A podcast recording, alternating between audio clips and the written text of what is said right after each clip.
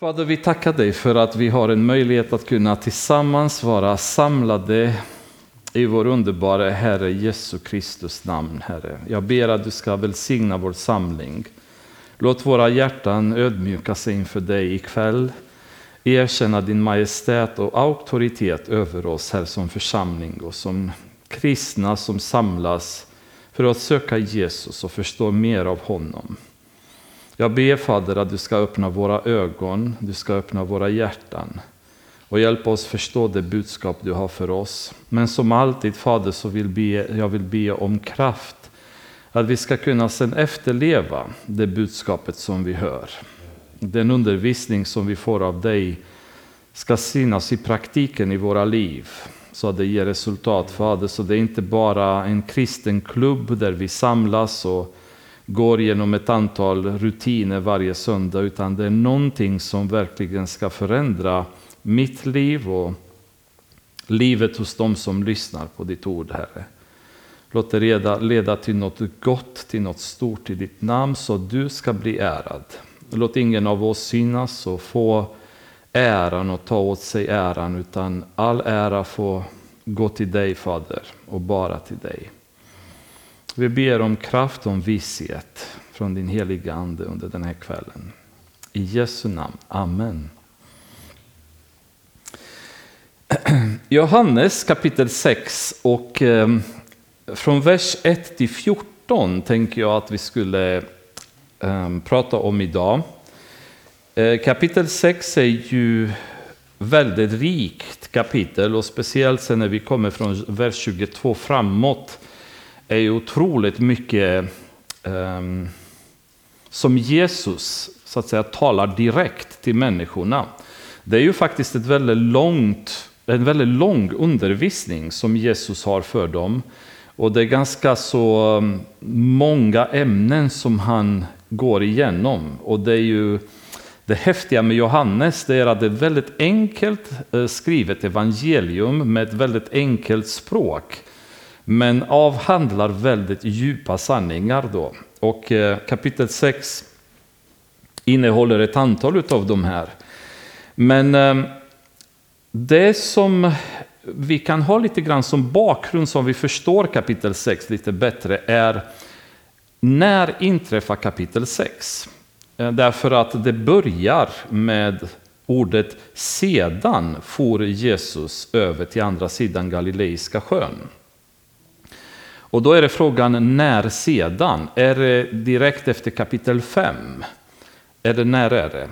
Det är faktum, fakt, det är faktum så att kapitel 6 sker um, en lång period efter kapitel 5.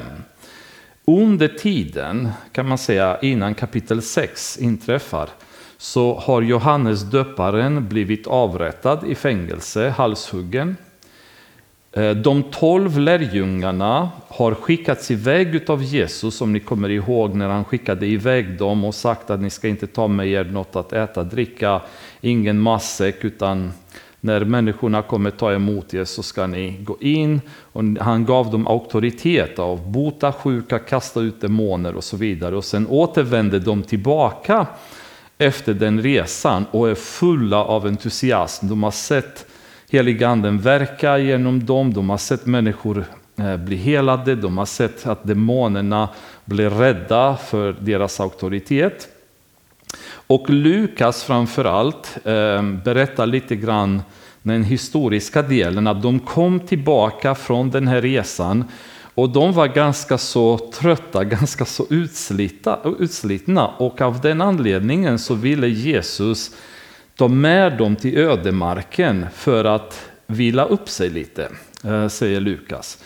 Det intressanta med, med eh, första delen av kapitel 6, det är när Jesus mättar de 5000 som vi kommer då gå igenom idag. Det är det enda miraklet som är nämnt i alla fyra evangelierna. Inget annat mirakel nämns i alla fyra utom det här. Och det är ju i sig då redan väldigt intressant. Varför är det så? Varför är det här miraklet så pass viktigt så att Johannes som har skrivit evangeliet sist av alla vill nämna det trots att alla andra har redan nämnt det i sina evangelium. För han har nämnt väldigt lite, väldigt få av Jesu mirakel. Ehm, faktum är att eh, det är bara en handfull av dessa som Johannes nämner i förhållande till Matteus, Markus och Lukas.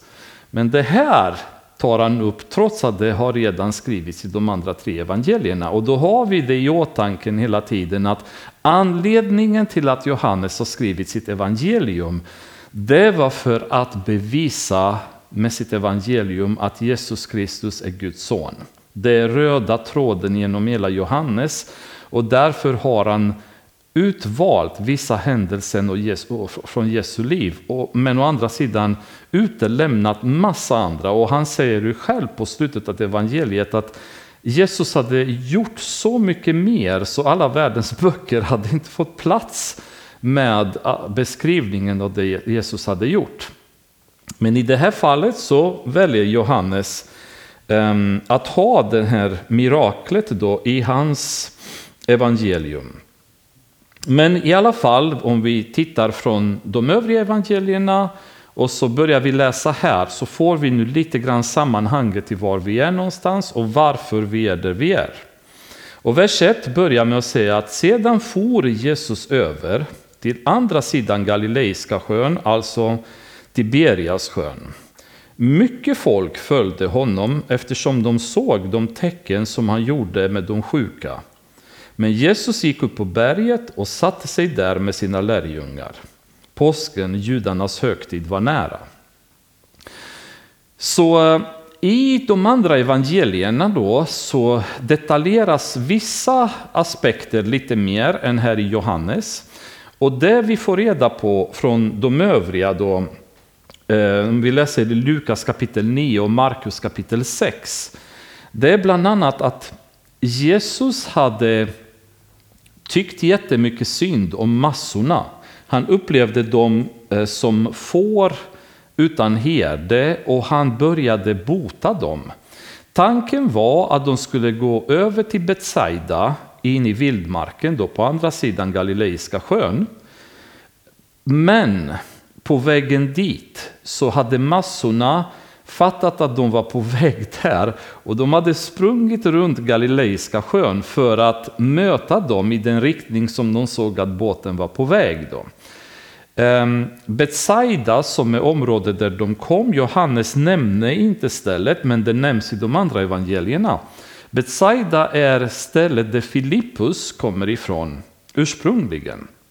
Så de åker tillbaka kan man säga till Filippus hemtrakter och de åker inte till öknen, det är inget ökenområde utan det är mer ett, ett öde mark, det vill säga väldigt lite bebyggelse. Så tanken från Jesus var att ville ha en stund med lärjungarna för sig själv.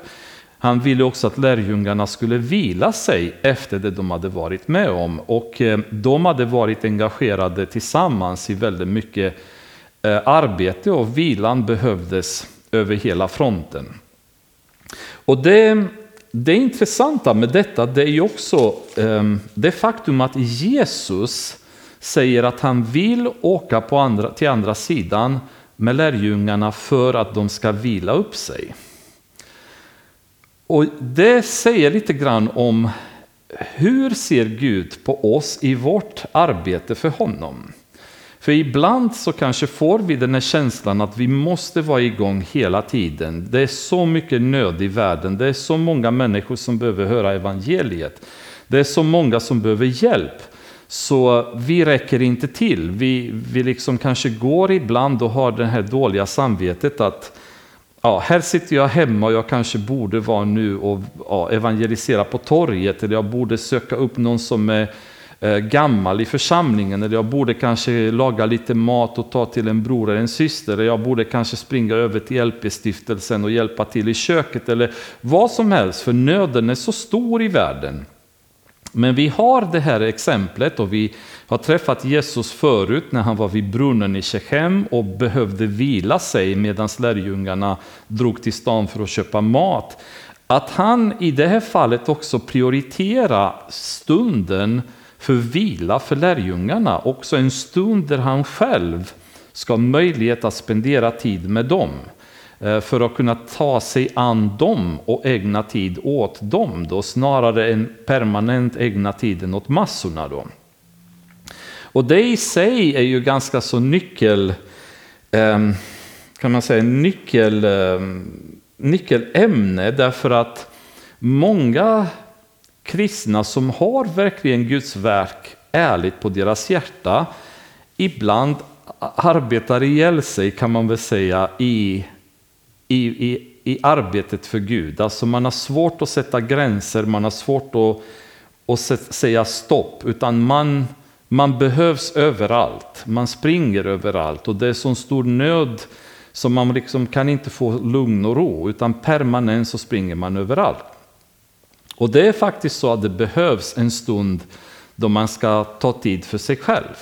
Jesus själv möter vi i evangelierna flera gånger att han drog sig undan massorna för att kunna söka tid i bön, för att kunna ladda upp batterierna och spendera tid med Gud. Snarare än permanent vara med andra människor. Och Det här är ju ganska spännande därför att det är ett tillfälle där det tydligt står i de andra evangelierna att Jesus själv ville ta lärjungarna till ödemarken för att vila sig. De var helt enkelt slutkörda och trycket från människorna var så stort, står det i de andra evangelierna, så de hann inte ens äta. De kunde inte ens få tid att sätta sig ner och äta mat därför att det var så mycket folk hela tiden som sökte sig till dem. Och Jesus på något sätt känner bara, hej, nu behöver vi dra härifrån, ta båten, drar till andra sidan sjön till Betsaida, ödemark, vi tar en liten stund med bara varandra och har möjlighet att, att, att, att vila. Ehm, och grejen är att när kan man säga, det är så många i församlingar som inte är ivriga att verka för Gud. Det är väldigt många passiva kristna i församlingar idag. Så när någon får på sig en längtan, en kallelse, en börda av att känna Herren i någon uppgift, då är det väldigt stor risk att den personen börjar bli väldigt efterfrågad. Eh, när Gud börjar verka genom en person så kommer den personen bli efterfrågan. När en, en predikant kommer och äntligen predikar med smörjelse och predikar från Gud, det dröjer inte länge innan en sån pastor eller predikant börjar bli kallad på alla möjliga väckelsemöten och träffar och församlingar som behöver hjälp och så vidare. Och då finns det en risk att man börjar springa precis överallt och inte tar tid för sin egna relation med Gud genom vila, bön, bibelläsning och så vidare. Och genom åren så har faktiskt väldigt många kristna eh, antingen gått in i väggen eller fallit från tron på grund av just den här aspekten. De har glömt bort egna tiden med Gud. Egna tiden när de ska vara ensamma med Gud eller ensamma med de förtrogna där de kan bygga upp varandra i den uppgift de har. David Wilkerson, det finns hans predikan på Youtube, um, väldigt, väldigt rörande predikan. Han berättade hur efter han hade uh, uppnått de framgångarna som han hade gjort i Brooklyn, då, uh, väckelsen i New York på 70-talet, det blev så häftigt och så känt så alla, han var bjuden på alla möjliga konferenser, pastorskonferenser, eh, väckelsemöten, gudstjänster till olika församlingar i USA. Så han hade börjat resa kors och tvärs över hela landet. Och eh, en dag när han satt på flyget, tror jag, sa han att han var, eh, till något sånt här evenemang. Plötsligt så upplevde han hur Gud bara sökte upp honom och sa till honom, vad håller du på med? Springer du runt överallt för att du ska synas, du ska höras, du ska få äran? Har du blivit någon slags kändis som springer omkring nu och, och tar åt sig äran? Och han, blev, han fick en sån syndanöd att i princip han vände tillbaka från den resan. Han åkte inte dit han skulle och åkte aldrig mer till något sånt där konferens och bjudningar och allting. Utan åkte tillbaks till sin församling och började tjäna församlingen. Varje söndag var där och tjänade församlingen i all ödmjukhet. Gud på något sätt fick påminna honom att det du gör just nu är inte det jag kallat dig till att göra. Du behöver dra ner på farten, du behöver prioritera relationen med mig. Du är inte någon jetsättare nu som ska springa runt över hela landet och tro att du behövs för att väckelse ska hända på andra ställen. Utan det är Guds uppgift det här. Sköt du det som jag kallat dig till, var ungefär det budskapet han fick. Och han, det är en kort beskrivning av hans predikan, men han gråter verkligen igenom predikan eftersom han upplevde sån syndanöd över hur, hur dåligt han hade skött den perioden. Liksom. Och det är ändå David Wilkerson som man tycker att, ja, men han är så pass ärlig och säger bara att det, det var synd rakt igenom. Han, han hade glömt bort Gud mitt i alltihop. Och i det här fallet så känner, känner Jesus liksom att det, det är viktigt att ta den här stunden. För när, när man börjar eh, göra någonting för Gud, när resultat börjar komma fram på grund av att man har gjort någonting, så börjar folk automatiskt söka sig till en. Det kommer folk knacka på dörrarna hos er på kvällen när ni ska sitta och se på Aktuellt och äta en bulle och dricka lite kaffe eller ta lite kvällsmat och slappa. Det kommer någon som kanske bankar på dörren för att de har ett behov. De har förtroende för att de kan komma till mig och inte till någon annan. Eh, folk kommer stoppa er på gatorna kanske. Ni kommer inte ha den här privata lugna perioden när ni kan göra som ni vill, var ni vill, utan det blir ett tryck. Um, återigen, församlingar säkert från hela landet söker upp er att du är så duktig på att leda lovsång, kan ni komma till oss? Och du är så duktig på att predika, kan du komma till oss? Och ni, ni har haft sån framgång i Pingsförsamlingens stöpen, kan ni komma till oss och berätta hur ni har gjort? Vad är receptet för att vi också ska få fram? Och så börjar det bli att man börjar springa runt och glömmer det man behöver göra och börjar liksom springa kanske till och med i köttet efter ett tag snarare än i anden. Och eh, det, det är ju... Eh, det blir liksom att risken med att bli för populär, risken med att bli för känd, så orsakar antingen att man bränner ut sig eller att man faller från tron. Och mitt i detta, den här framgången då, så säger Jesus till lärjungarna, vi drar till andra sidan sjön, till ödemarken. Det behövs en stund för att vila upp er. Och det är ju, um, det är ju det är nödvändigt, för Jesus säger ju själv att hans ok är milt och hans börda är lätt. Så vi bör aldrig kunna uppleva utbrändhet när vi arbetar för Gud. Så länge vi gör det i anden. Men när, så fort vi går in i köttet, det är då oket blir tungt. Eller hårt och bördan lätt, eller hårt. Eller tungt. Därför att då gör vi det i egen kraft. Då gör vi ett otroligt mäktigt arbete. Men utan hjälp från heliga anden och då, då dröjer det inte länge innan vi börjar spinna hjulen och kommer ingen vart då. Men så länge vi håller Guds takt och Guds tempo och följer så att säga det han, han leder oss till att följa, då bär vi inte på något hårt ok och tung, en tung börda, utan det är ett milt ok som bara styr oss och inte tynger oss. Och bördan är ju lätt. Men, men, och här kommer ju liksom balansen i det hela. För de drog till andra sidan sjön eh, för att vila upp sig. Men när Jesus lyfte blicken och såg att det kom mycket folk till honom sade han till Filippus, var ska vi köpa bröd så att de får något att äta? Det sade han för att pröva honom, själv visste han vad han skulle göra. Filippus svarade, bröd för 200 denarer räcker inte för alla ska få sin bit. En annan av hans lärjungar, Andreas, bror till Simon Petrus, sade till honom, här är en pojke som har fem kornbröd och två fiskar, men vad räcker det till så många? De andra evangelierna de går ännu mer på djupet och säger att Inte bara att Jesus såg mängden människor, men han förbarmade sig över dem. Därför att han såg dem som får utan en herde.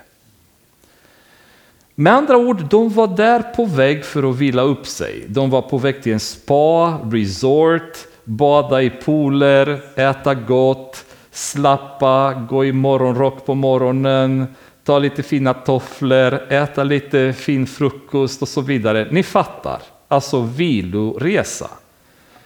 De kommer fram och där står det tusentals människor i väntan på dem med sjuka, med människor som var i nöd.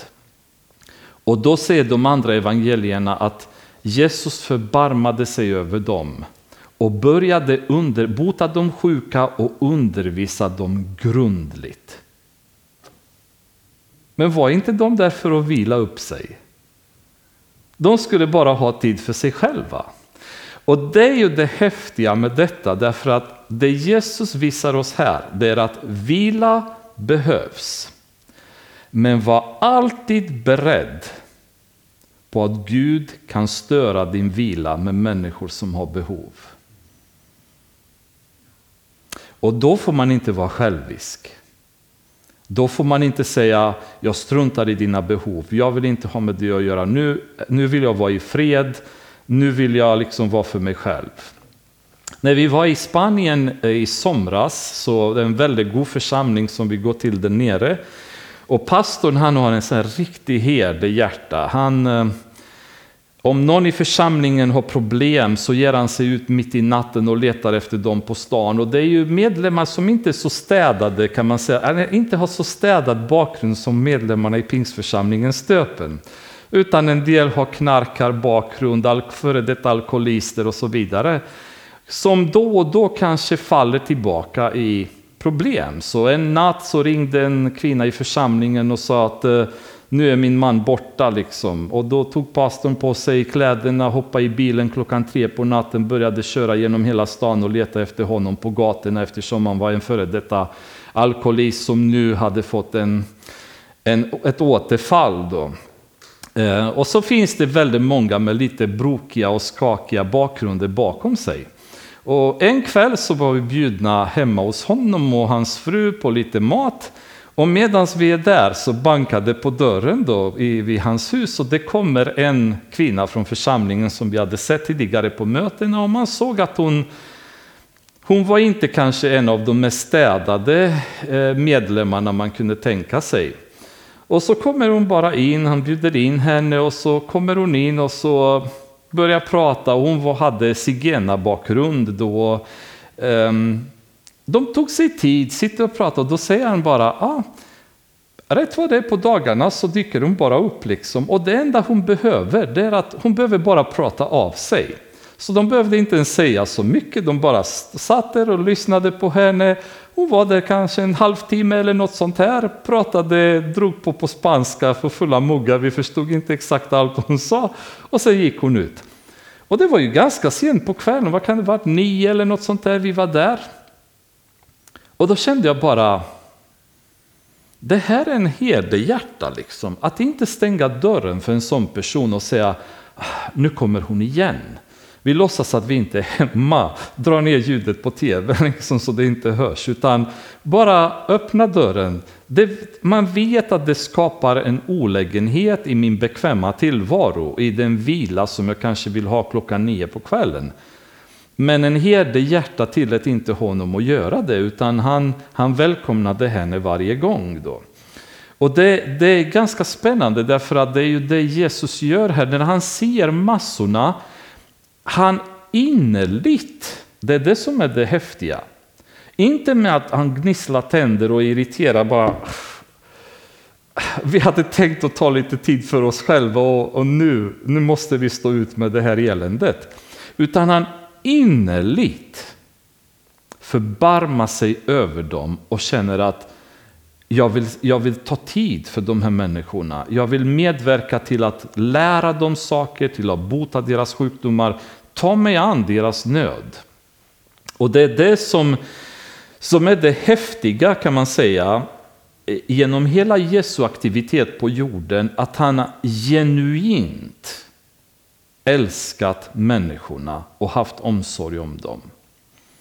Och det är det som karaktäriserar också en riktig församlingsherde. Jag tycker att vi har väldigt många idag i kyrkor som är pastorer, som är bibellärare, som är alla möjliga. Men det är väldigt, väldigt, väldigt få herdar.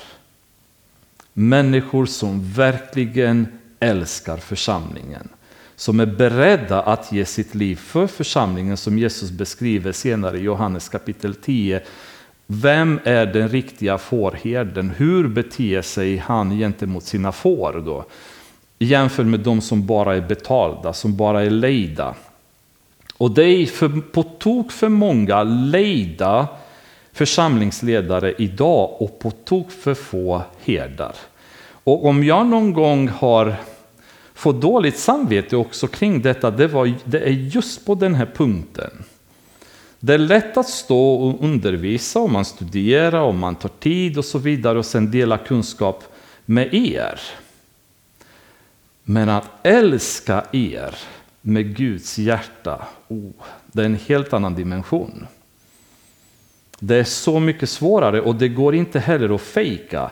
En bra predika kan man fejka om man är hyfsat skicklig och lära sig tala, retorik, intonation och så vidare. Men att fejka kärlek för människor, det går inte. För de känner det direkt om man är älskad eller inte älskad. Om du bryr dig eller du inte bryr dig. Om du har omsorg eller inte har omsorg. Så om det har varit en bön i mitt liv genom åren, det är just det här att jag vill älska församlingen. För att det är det som Jesus har gjort. Det som har karaktäriserat honom som Messias, och här är väldigt intressant, han, han är ju allsmäktig Gud. Han kunde ha kommit på jorden och flugit med, med ljusets hastighet från en sida till ett annat, gjort häftiga saker, imponerat, vänt upp och ner på saker bara för att visa sin makt, för det är det judarna var ständigt ute efter. Visa oss tecken, visa oss tecken, visa oss tecken, så att vi, vi kan tro på dig. Men det Jesus istället visade, det var omsorg och kärlek. Det var hans sätt att visa, det är det Messias handlar om. Det är omsorg och kärlek. Det är inte häftiga mirakel, det är inte häftiga saker som ska imponera. Utan oftast om ni tänker när han har gjort sådana grejer så har han oftast gjort dem inför lärjungarna. Men inför människor, det har han visat att han har botat dem, kastat ut demoner, älskat dem, sett dem, visat dem eh, uppmärksamhet i, fall där ingen visade det och så vidare.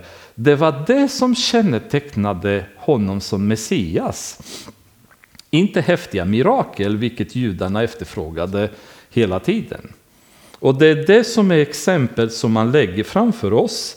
Det är att en, en, en riktig tjänare, en riktig gudstjänare måste ha kärlek, måste ha omsorg, måste ha en känsla av att förbarma sig över människor när människorna är i nöd. Och det är det som han kände direkt. De var där för att vila upp sig, de var där för att återhämta sig, de var hungriga, de hade inte ens haft tid att äta.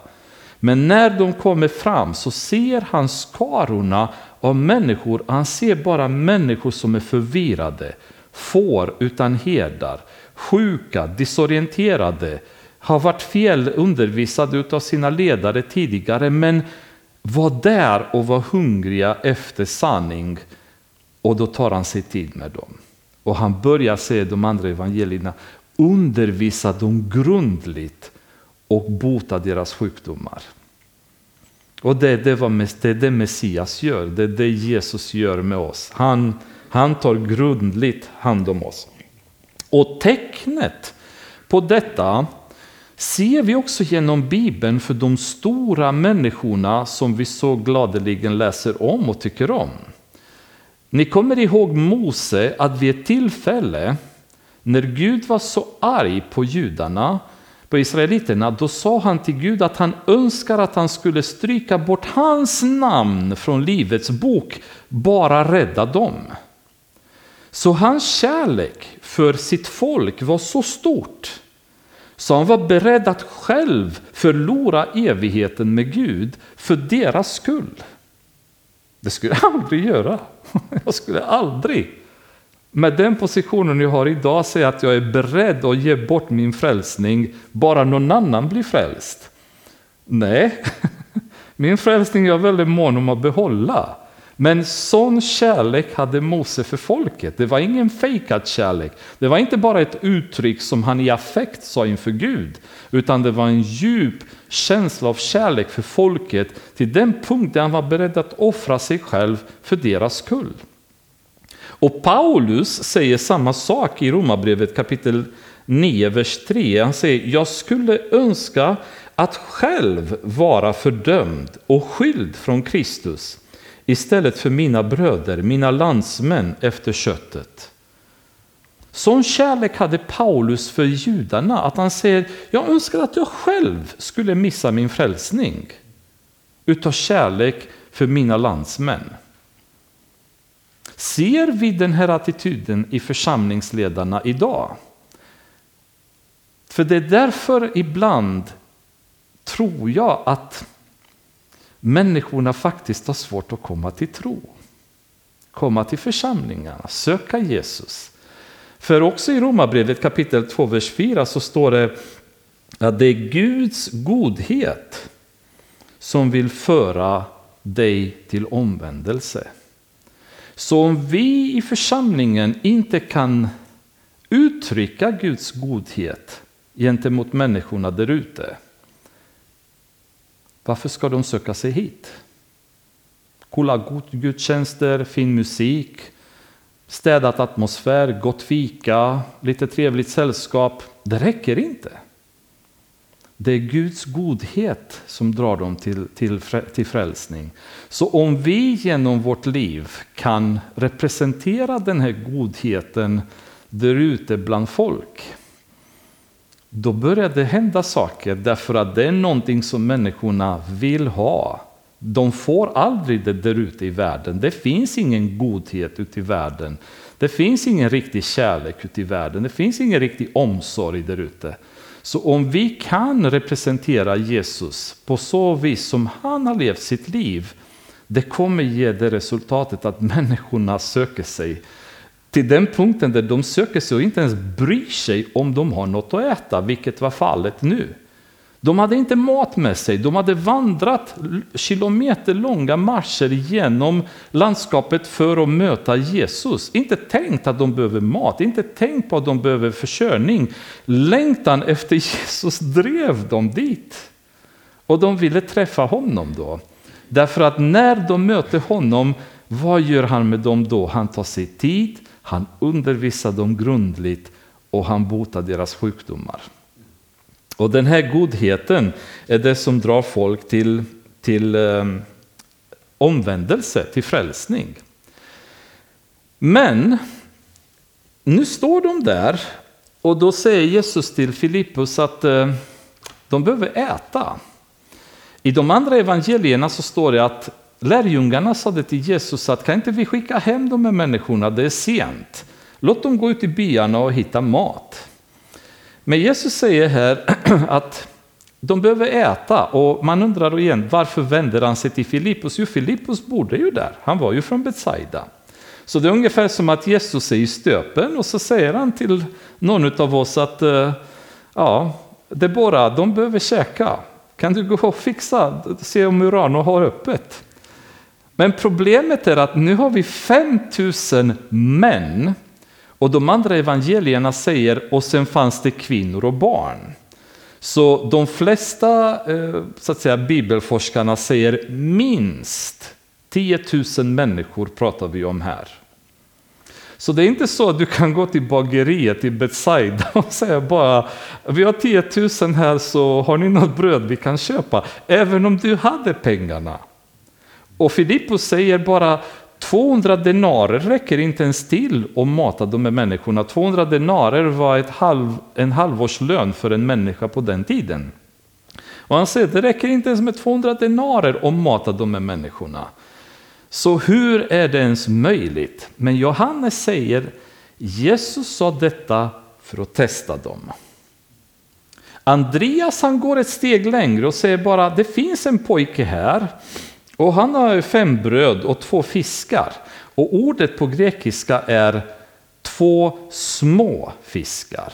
Förmodligen typ två sardiner eller något i den stilen. Då. Ehm, och då, men, men då förmodligen kommer Andreas på sig själv när han säger det. Men säger, men vad räcker det till så många? Med andra ord, ja, vi har lite mat här. Bland 10 000 man så har vi hittat en pojke som råkar ha med sig lite mat. Fem bröd och två fiskar, men det räcker inte till. De här lärjungarna nu hade varit väldigt länge med Jesus. Och tittar vi i de andra evangelierna som redogör för mer möten och mirakel så hade de sett väldigt mycket utav vad Jesus kunde utföra. Dessutom var de precis hemkomna efter sin resa när de fick uppleva heligandens kraft genom att bota eh, sjuka och kasta ut demoner. Med andra ord, de var inte främmande för det övernaturliga och Guds kraft. Och Jesus testar dem nu och säger, de här människorna behöver äta, fixa mat till dem. Och de står som tavlor allihop och säger bara, skojar du liksom? Finns, vi har inga pengar, vi har ingen mat och förresten Murano kan inte baka så många pizzor på en kväll. Liksom. Vi, kan inte, vi kan inte mata 10 000 människor med pizza. Liksom. Det finns inte möjlighet. Så i, i deras mänskliga huvud så börjar nu de räkna. Vad, hur mycket pengar behövs för att göra det? Eh, hur ska logistiken fungera? Nej, det här funkar inte, liksom, säger de. Det, det går inte. Skicka hem dem så får de hitta mat i byarna. Och, och i de andra eh, i de andra evangelierna så står det att Jesus ville inte skicka hem dem för han var rädd att de var så hungriga att han var rädd att de skulle i princip svimma längs med väggarna då om de skulle släppas därifrån utan mat. Så nu står de inför det här, det här testet. Liksom. Hur, hur tänker vi här? Och det blir testet kring huruvida vi litar på Gud. För det är ju egentligen det på samma sätt med oss. Alltså många av oss har haft ganska häftiga upplevelser med Gud redan i vårt liv med honom. Jag kan tänka tillbaka på bönesvar som jag har fått, som jag vet var liksom helt extra, extraordinära bönesvar. Och Guds ingripande i situationer som var så tydligt att han var med. Så man har prövat Gud och man vet att Gud, Gud står för det han lovar.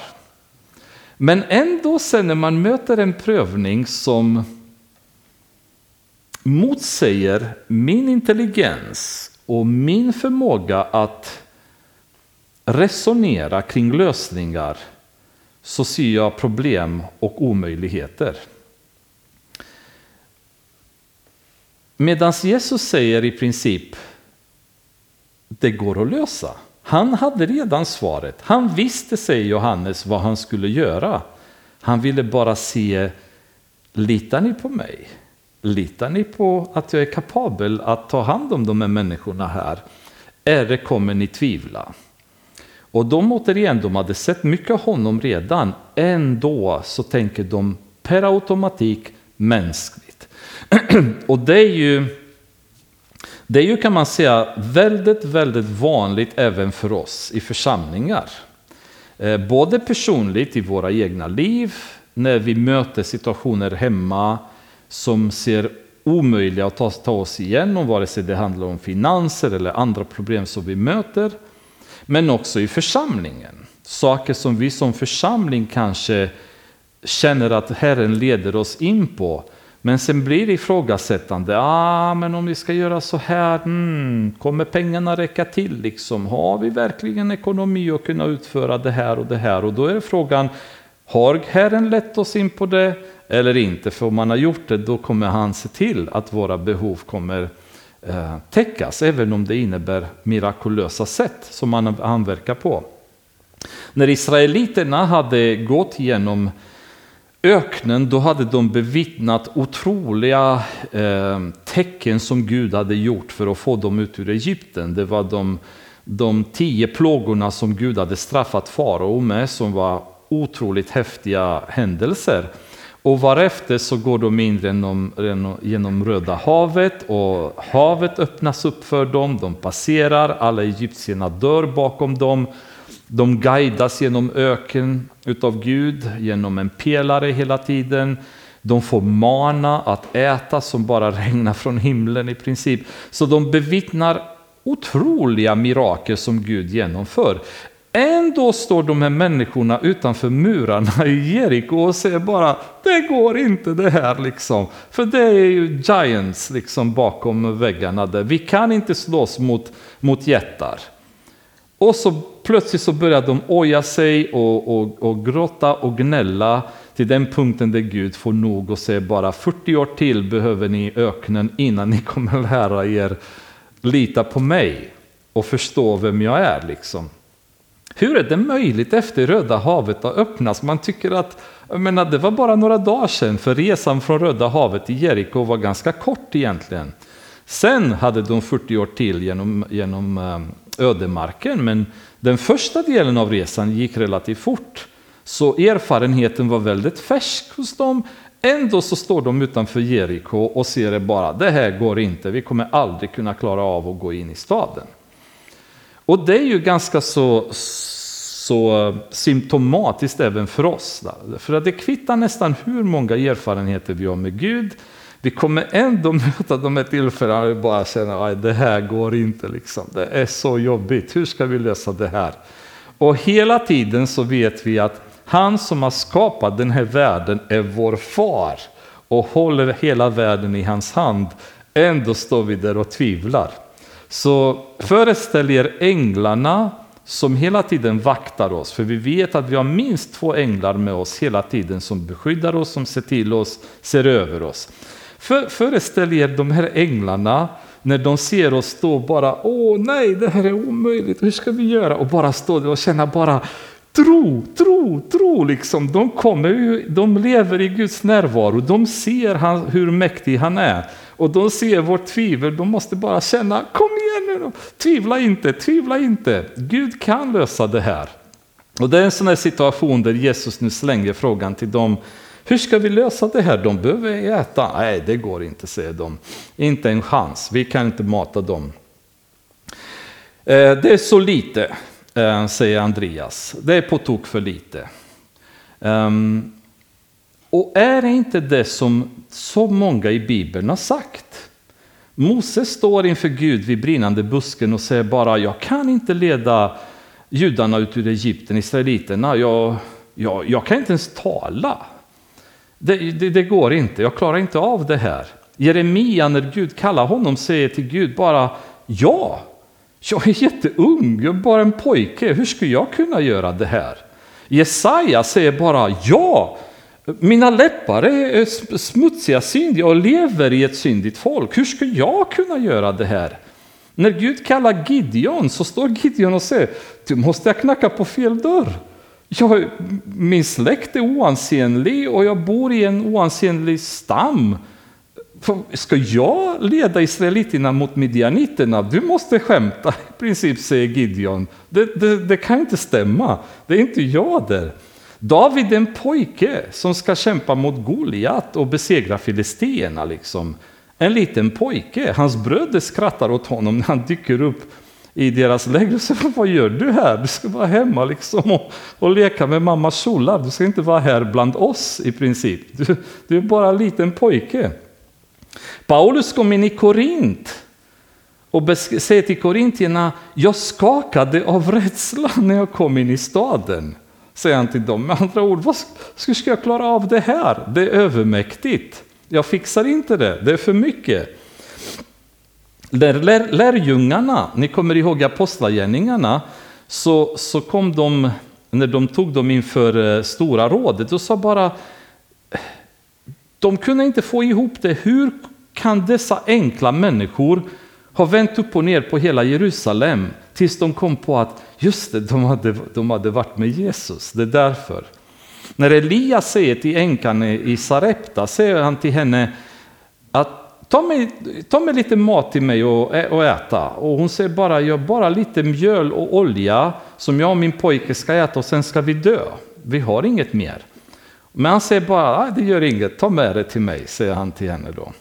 Så i så många tillfällen i Bibeln så har vi bevis på att Gud kan göra så mycket med så lite. Så mycket kan han göra med så lite. Det, han behöver inte mycket för att utföra stora verk. Det räcker för honom att ha lite. Andreas säger det här är för lite. Så har så många andra sagt genom bibelsidorna. Det är för lite, det funkar inte. Jag är inte rätt person. Jag är inte tillräckligt smart, jag är inte tillräckligt vältalig. Ska jag kunna göra någonting? Men det Gud kräver, det är att det lilla vi har, det där lilla vi har, det ska vi ge till honom. För det är precis det som händer här. Jag, jag måste skaffa mig glasögon så jag måste liksom läsa så här numera. Det, var, det gick bara värre och värre på bara några veckor. Um, men Jesus sa det, låt folket slå sig ner.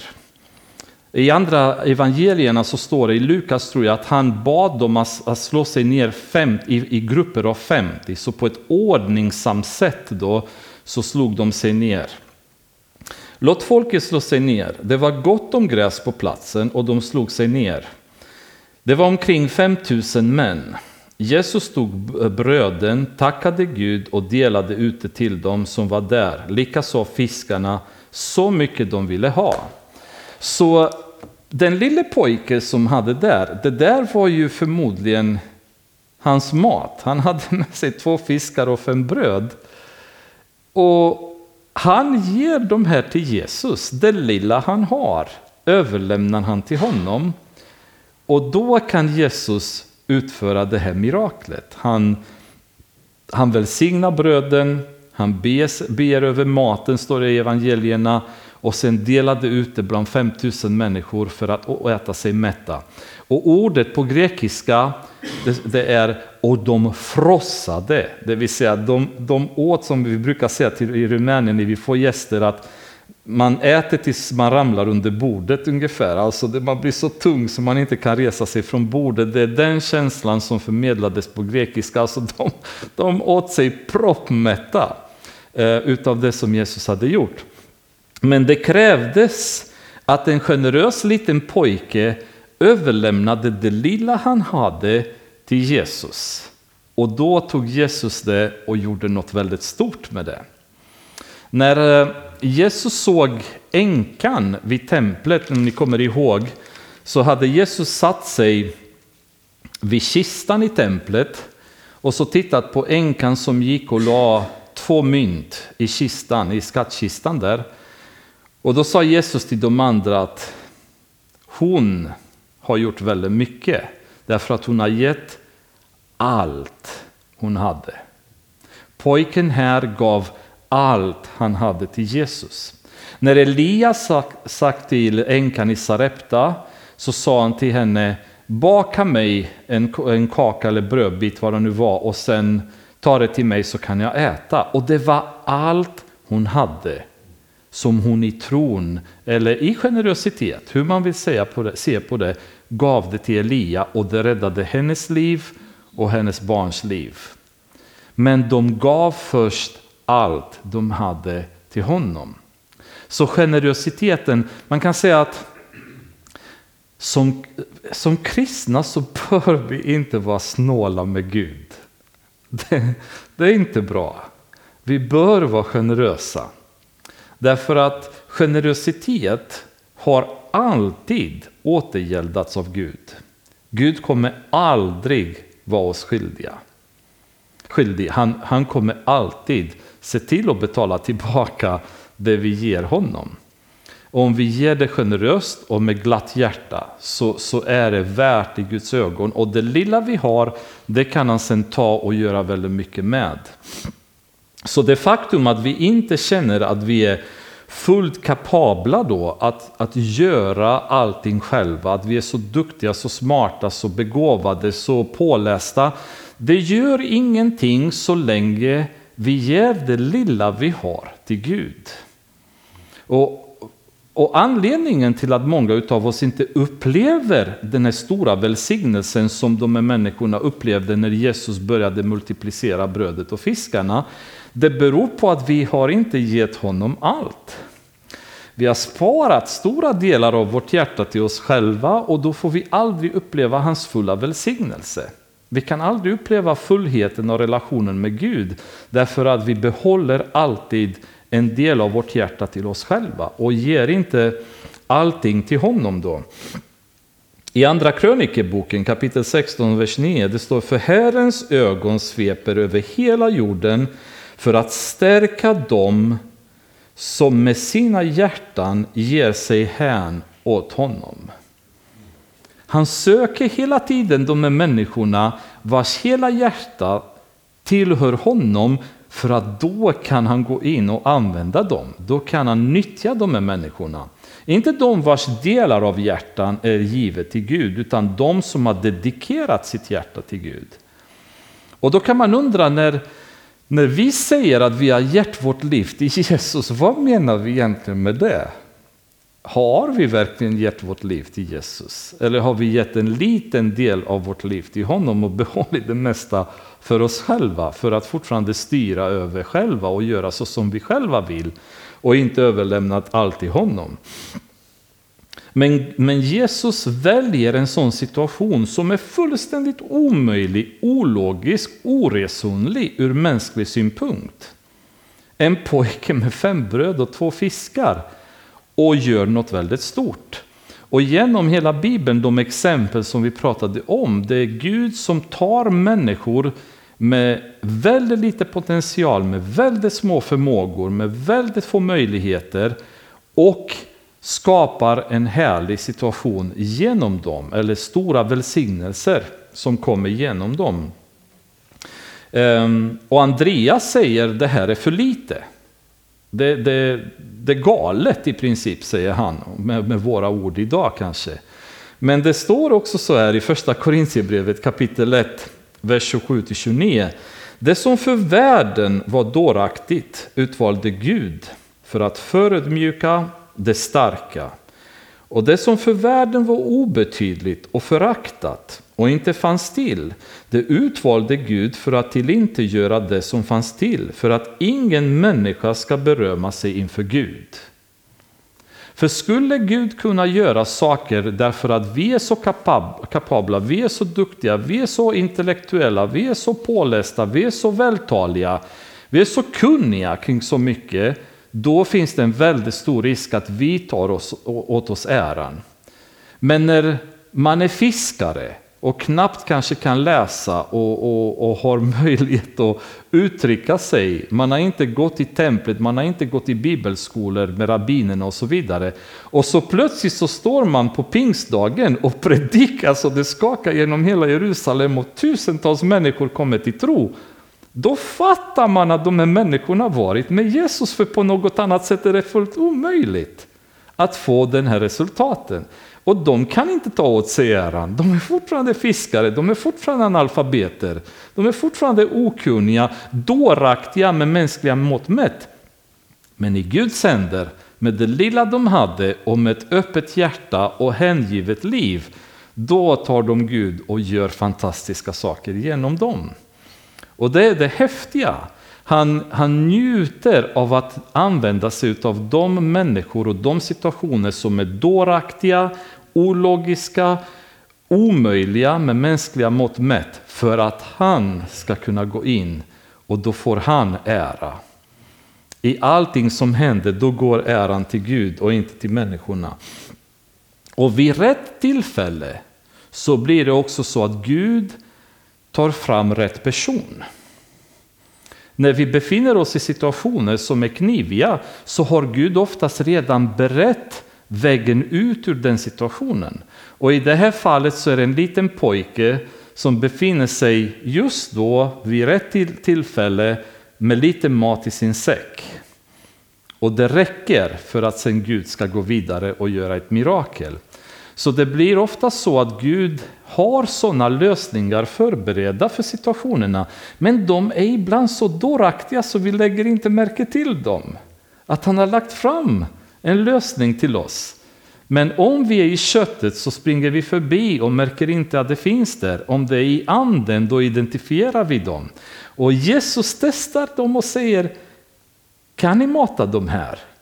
Det går inte, säger de, därför att de tänker mänskligt. Men tänker man andligt så plötsligt inser man, ja men det går. Vi kan ju flytta berg om vi har bara ett uns av, av tro i våra liv. Det är fullt möjligt att göra det. Och Jesus multiplicerar bröden då och sen matar alla. Och när de var mätta sade han till sina lärjungar, samla ihop bitarna som blev över så att inget går förlorat. De samlade ihop dem och fyllde tolv korgar med bitarna som blev över efter de fem kornbröden när de ätit. När människorna såg vilket tecken han hade gjort sade de, han måste vara profeten som ska komma till världen. I femte Moseboken kapitel 18, vers 15 till 19, så vi kan läsa, det är kanske lika bra att vi läser den för den, den refereras eh, oftast i Nya Testamentet. Just de, frågade, de hade frågat Johannes döparen för, förut också, om ni kommer ihåg. Är du profeten? Är du Elia? hade de frågat honom. Eh, och då är det frågan, vem är den här profeten som de pratar om? Jo, det är femte Moseboken kapitel 18, vers 15-19. Då är det Mose som talar till dem och säger en profet lik mig ska Herren din Gud låta uppstå dig bland ditt folk från dina bröder. Honom ska ni lyssna till. Det ska bli så som du begärde av Herren din Gud vid Horeb den dag ni var samlade. Där och du sade, jag vill inte höra mer av Herren min Guds röst eller se den stora elden längre, då kommer jag att dö. Herren sade då till mig, de har rätt i vad de säger. Jag ska låta en profet lik dig uppstå åt dem bland deras bröder. Jag ska lägga mina ord i hans mun och han ska tala till dem allt som jag befaller, befaller honom. Och om någon inte lyssnar till mina ord som han talar i mitt namn ska jag själv utkräva det av honom. Och det var en profetia just om Jesus som skulle komma och den här profeten väntade judarna på hela tiden. Och nu när de ser vad Jesus har gjort, de sa han måste vara profeten som ska komma till världen. I parentes sagt så kan man säga att en anledning bland annat till att rabbiner även idag eh, vägrar acceptera att Jesus är Messias är just på grund av detta, därför att de anser att han ska vara lik Mose, det vill säga han ska vara en vanlig människa.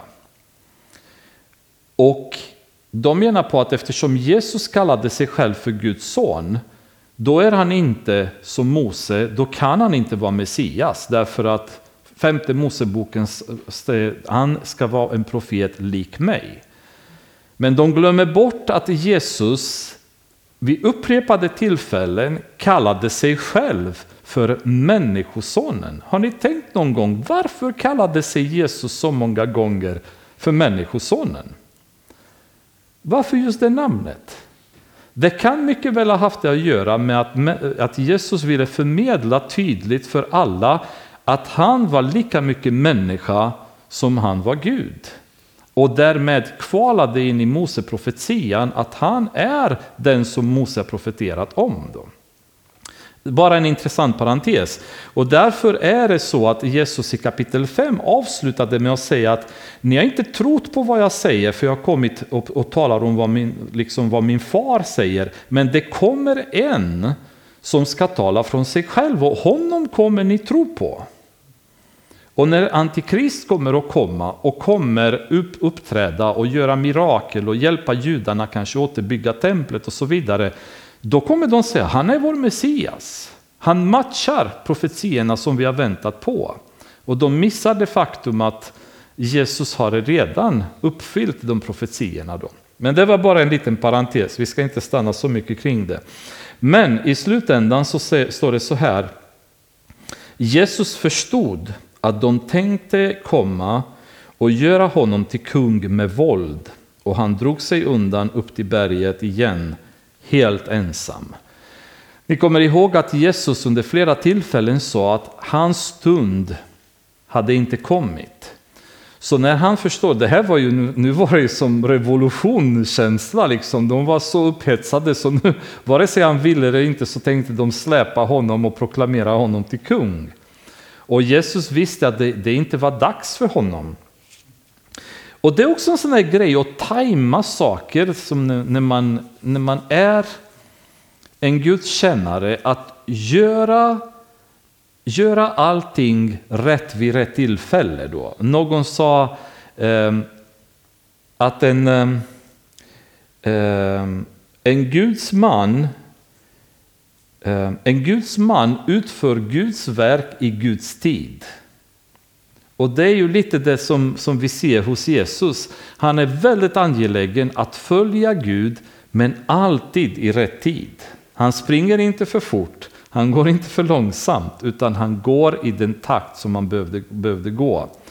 Och eftersom han kände att nu är de här så upphetsade här så det kommer blir att de proklamerar honom till kung. Han bara försvann därifrån och drog iväg ensam på berget för att komma undan dem. Och det är ju, det är ju någonting som vi behöver också tänka på för ibland så springer vi på tok för fort. Och ibland är vi på tok för lata, så vi behöver få in den här tajmingen så att vi verkligen är ledda av Gud i det vi gör, för Guds tajming är väldigt viktig. Det är då vi blir effektiva, det är då den utrustningen som vi har fått från Gud för den verk han har kallat oss kan ge resultat. Annars så blir det liksom slöseri med tid och vi springer på alla möjliga håll. Men eh, jag tänkte att vi stannar här idag. Och eh, om, om, ni, om ni glömmer bort allt från den här predikan så vill jag ändå att ni kommer ihåg en sak och det är att Gud med så lite kan göra så mycket. Förutsatt att vi ger honom allt. Så om ni kan komma ihåg det här så tror jag det, det blir hyfsat bra resultat av den här timmen. Därför att det blir så avgörande för vad vi kan göra sen tillsammans med Gud och hans verk. Fader, jag tackar dig för eh, dina råd och dina uppmuntrande ord från ditt ord. Jag tackar dig Fader för att du verkligen använder dig av sådana som vi, Herre. Vi bor i, en, eh, i ett obetydligt litet samhälle, i ett litet land. Och vi har olika bakgrunder, Fader, och ingen av oss är kanske viktig med mänskliga mått mätt. Jag bara ber Fader att du ska fylla oss av ödmjukhet, men framförallt en hängivenhet, Herre, att vi ska överlämna våra hjärtan till dig. Det finns, du ser Fader i mitt hjärta delar som är fortfarande gömda, som man har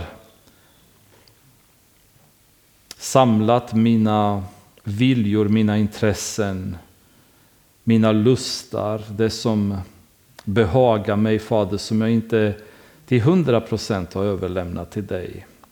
Jag bara ber i Jesu namn Fader att du ska bryta sönder de förstenade delarna av mitt hjärta som inte är hängivet och överlämnat till dig Herre. Det ska gå i spillror och det ska formas efter din vilja Herre. Även om det gör ont, även om det går igenom jobbiga perioder för att komma dit, är det värt Fader. Vi vill att vårt hjärta tillhör dig. Vi är dina barn och det känns inte rätt att vi ska leva med en fot i världen och en fot i relationen med dig. Utan vi vill vara hängivna, Herre, ihärdiga och, och förlita oss på att du kan göra det vi inte kan.